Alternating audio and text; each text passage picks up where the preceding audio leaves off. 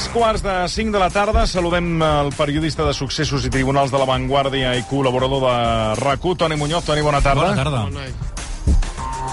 Ai, quina rebuda més freda. L'aplaudim, l'aplaudim. Va, almenys. Gràcies, gràcies.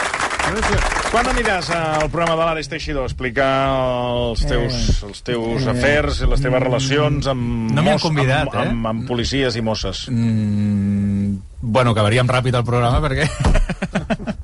Bueno, amb delinqüents, no pures. Relacions amb Ja ho delinqüents. dic perquè abans el Ropa ha, ha estat seguint l'entrevista que li va fer sí. l'Ares Teixidor a la, a la Maica i ha explicat les seves relacions i tal, i si mossos i Hasta amb dones, eh? dones i tot, i que a veure quin dia t'apuntes al programa de l'Ares i ens expliques les teves. Bueno, aviam, si m'hi conviden, alguna cosa explicarem.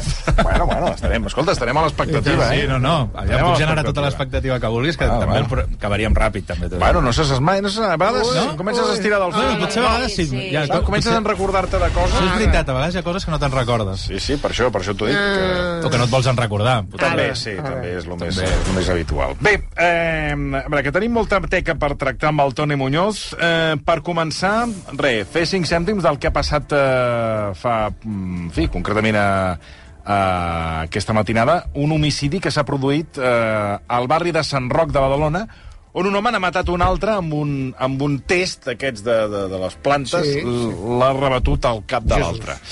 Uh, el, el, la persona que ha mort és de- d'un grup de gent anomenats espeluos, pel que els Mossos d'Esquadra han activat desenes d'unitats per evitar venjances i disturbis. Per tant, aquest assassinat pot generar revenges. Sí, ho hem vist moltes vegades, sempre que hi ha hagut algun crim al barri de la Mina o al barri de Sant Roc.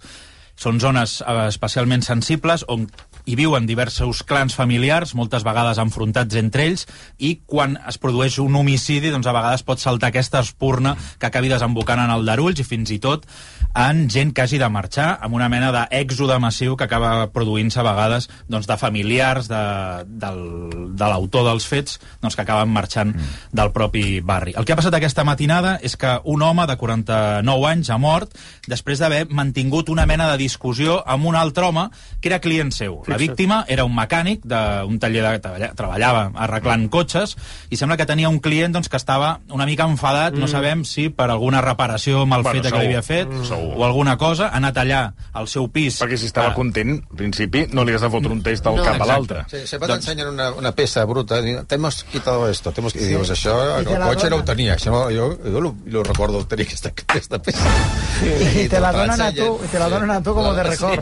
Sí. Y después, yo, pues, yo te para qué la la voy. Portes a casa i no saps què fotre'n. No, però clar, però si era, dius, dius i, Sí. i, i què hi ha posat al seu lloc? Es que una altra més maca, més, més neta. Ja sé que Digues, digues. Bé, no, el que va passar és això, ja van tenir aquesta discussió, aquest client que no estava content, sub- entenem, amb el que li havia Clar, fet, clar. van acompanyat d'un altre home, un amic seu, que és qui va acabar cometent el crim. Sembla, Ah. doncs, que aquesta discussió va anar pujant de to, i l'amic, l'acompanyant d'aquest, eh, client, va agafar un test de, de flors, un Sí, test sí. d'aquests a les plantes, El que hi havia pel carrer. No. no, no, això és a casa, a casa Ah, del casa. mecànic, diguéssim.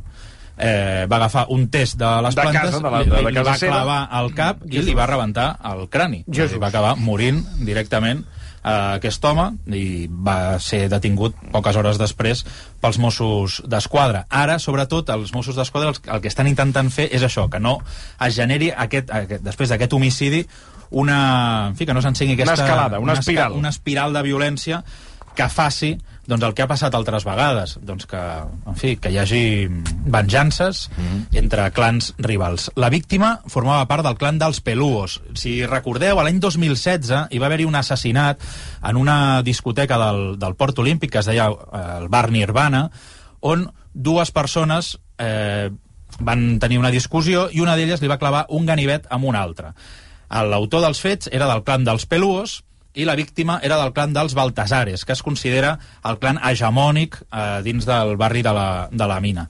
Aleshores, després d'aquell crim, va haver-hi una persona que era la, la matriarca, diguéssim, d'aquest clan dels Baltasares, que va dir i va recomanar a tota la gent que tingués alguna mena de relació o vincle familiar amb els Peluos que havien de marxar del barri si no volien que es cobressin la seva venjança. El Guillem Sánchez, el nostre company del, del, periòdic, del periòdico, li va fer una entrevista a la senyora Ramona, que era aquesta matriarca del clan dels Baltasares, on deia, enviava aquest missatge als peluos i que va obligar a marxar a més de 500 famílies del barri.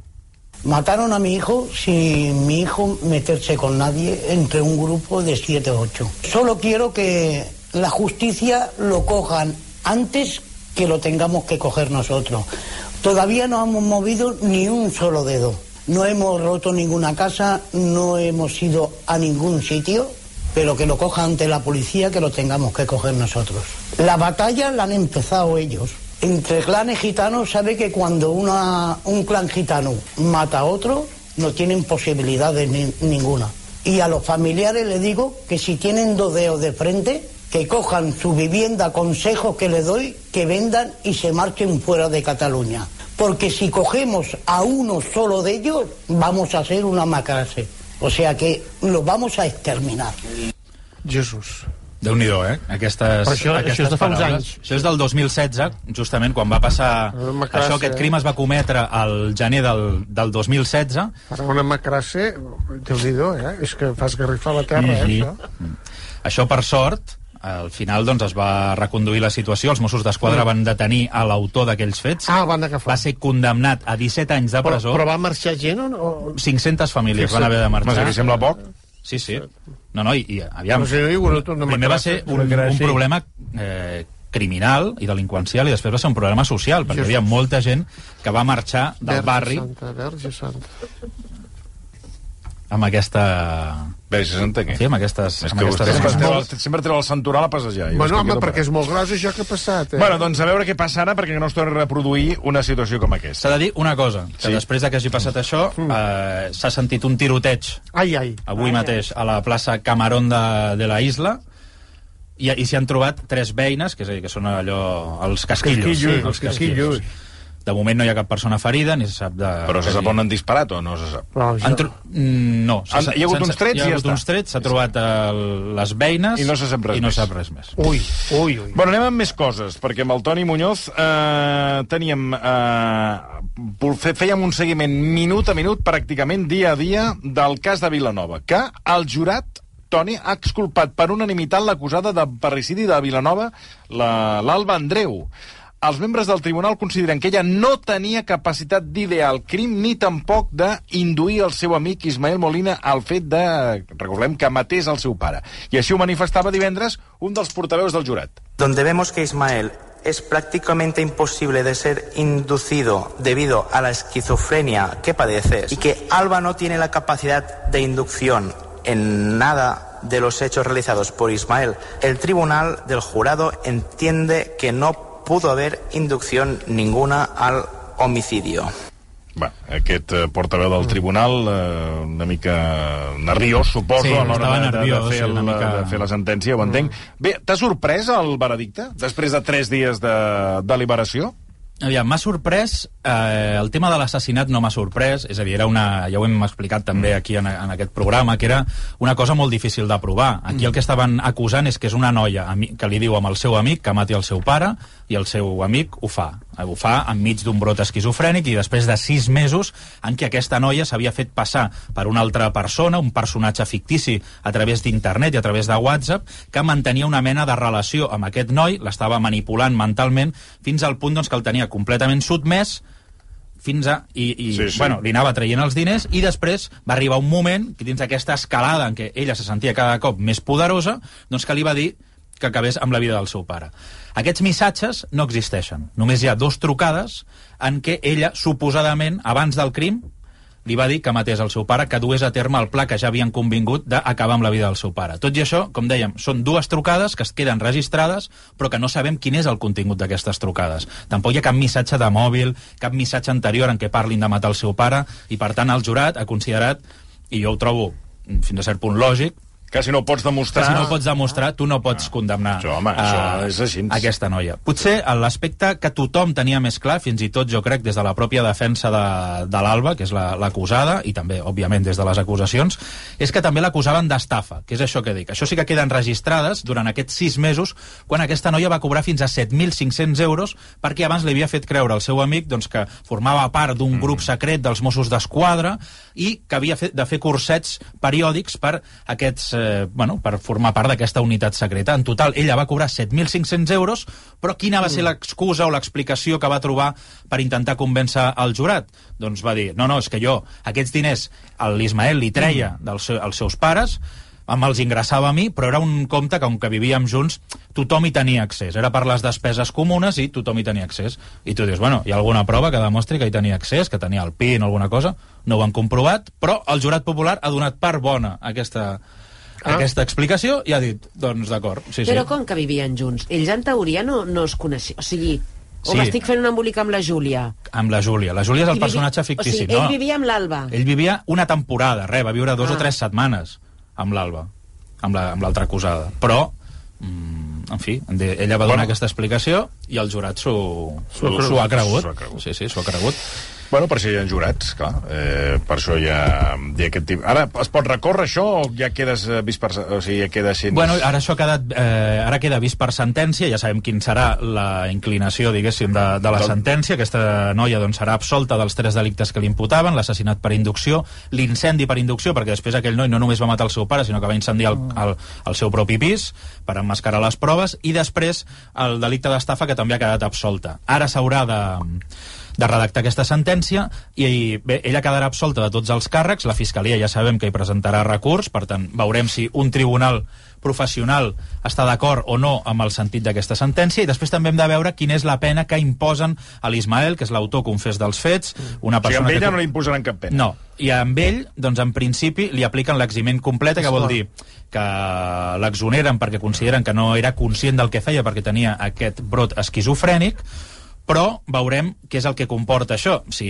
implica doncs, que ha d'estar ingressat al 25 anys en un centre psiquiàtric, que això és una de les penes que demanava la Fiscalia, o si queda subjecte, diguéssim, a un tractament psiquiàtric, però que no es delimita, diguéssim, en un període concret mm. i que s'ha d'anar sotmetent, diguéssim, a controls periòdics mensuals o trimestrals o el que sigui. És que, Toni, només ens vens a explicar macrasses d'aquestes que, que, que, que, que, que, escolta, que t'agafa un Sí, sí, malestar. Mira, i abans que marxi el Toni, deixem preguntar-li perquè eh, de tot un seguit de, de, de tensions que... A veure, eh, ho he llegit i tinc la Que és sensació que, això macrasse. és, bueno, és la macrasse dels de robatoris de rellotges.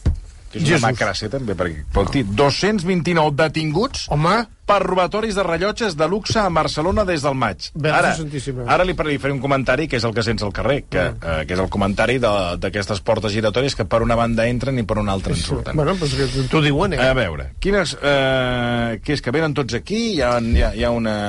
Què et diria? Un Una, fi, una fira de, de robatori, de, saps? De, de pispes de- de- De lladres d'Europa. de- de- de- sí, que es de troben aquí a la fira de l'Hospitalet i fan un concurs, a veure quants en filmen. Bueno, una, una, una mica sí, aviam, Barcelona, Ah, sí? Barcelona és un pol d'atracció de, de turisme de luxe, ja sap, i, i també, igual que s'atrau turisme de luxe, també s'atrauen, Xorissos de luxe. exacte, xoriços de... de, Bueno, de, xorissos de- de que van a buscar eh, rellotges de luxe. Exacte, perquè sí, molt sí. de luxe no crec que Sí, sí, sigui. és una mica el mateix fenomen que passava abans amb els carteristes, però ara, com que les carteres ja, eh, com a molt, trobes una, un, en fi, les targetes de crèdit, o tothom paga amb el mòbil o el que sigui, ara, Ara et faré una pregunta, perquè Vinga. anem malament de temps, et faré la pregunta al milió. Aviam. La pregunta és, a tots aquests que detenen, normalment quanta estona estan entre que van a la, o sigui, la policia es juga al tipus, agafen, el foten al cotxe, el porten a la comissaria, papeles, no sé què, passa el juicio i cap a casa. Quanta estona, o sigui, cap a casa vull dir al carrer. Quanta estona, o sigui, retinguts de quanta estona estem parlant? No, estem parlant, normalment, si queden en llibertat, sí. són 72 hores, com a màxim. O sigui, Els no de- roben durant 3 hores, de 3 dies. 3 dies. I Després, això ho poden calcular molt exactament, perquè tots tenen un munt de rellotges. Tots.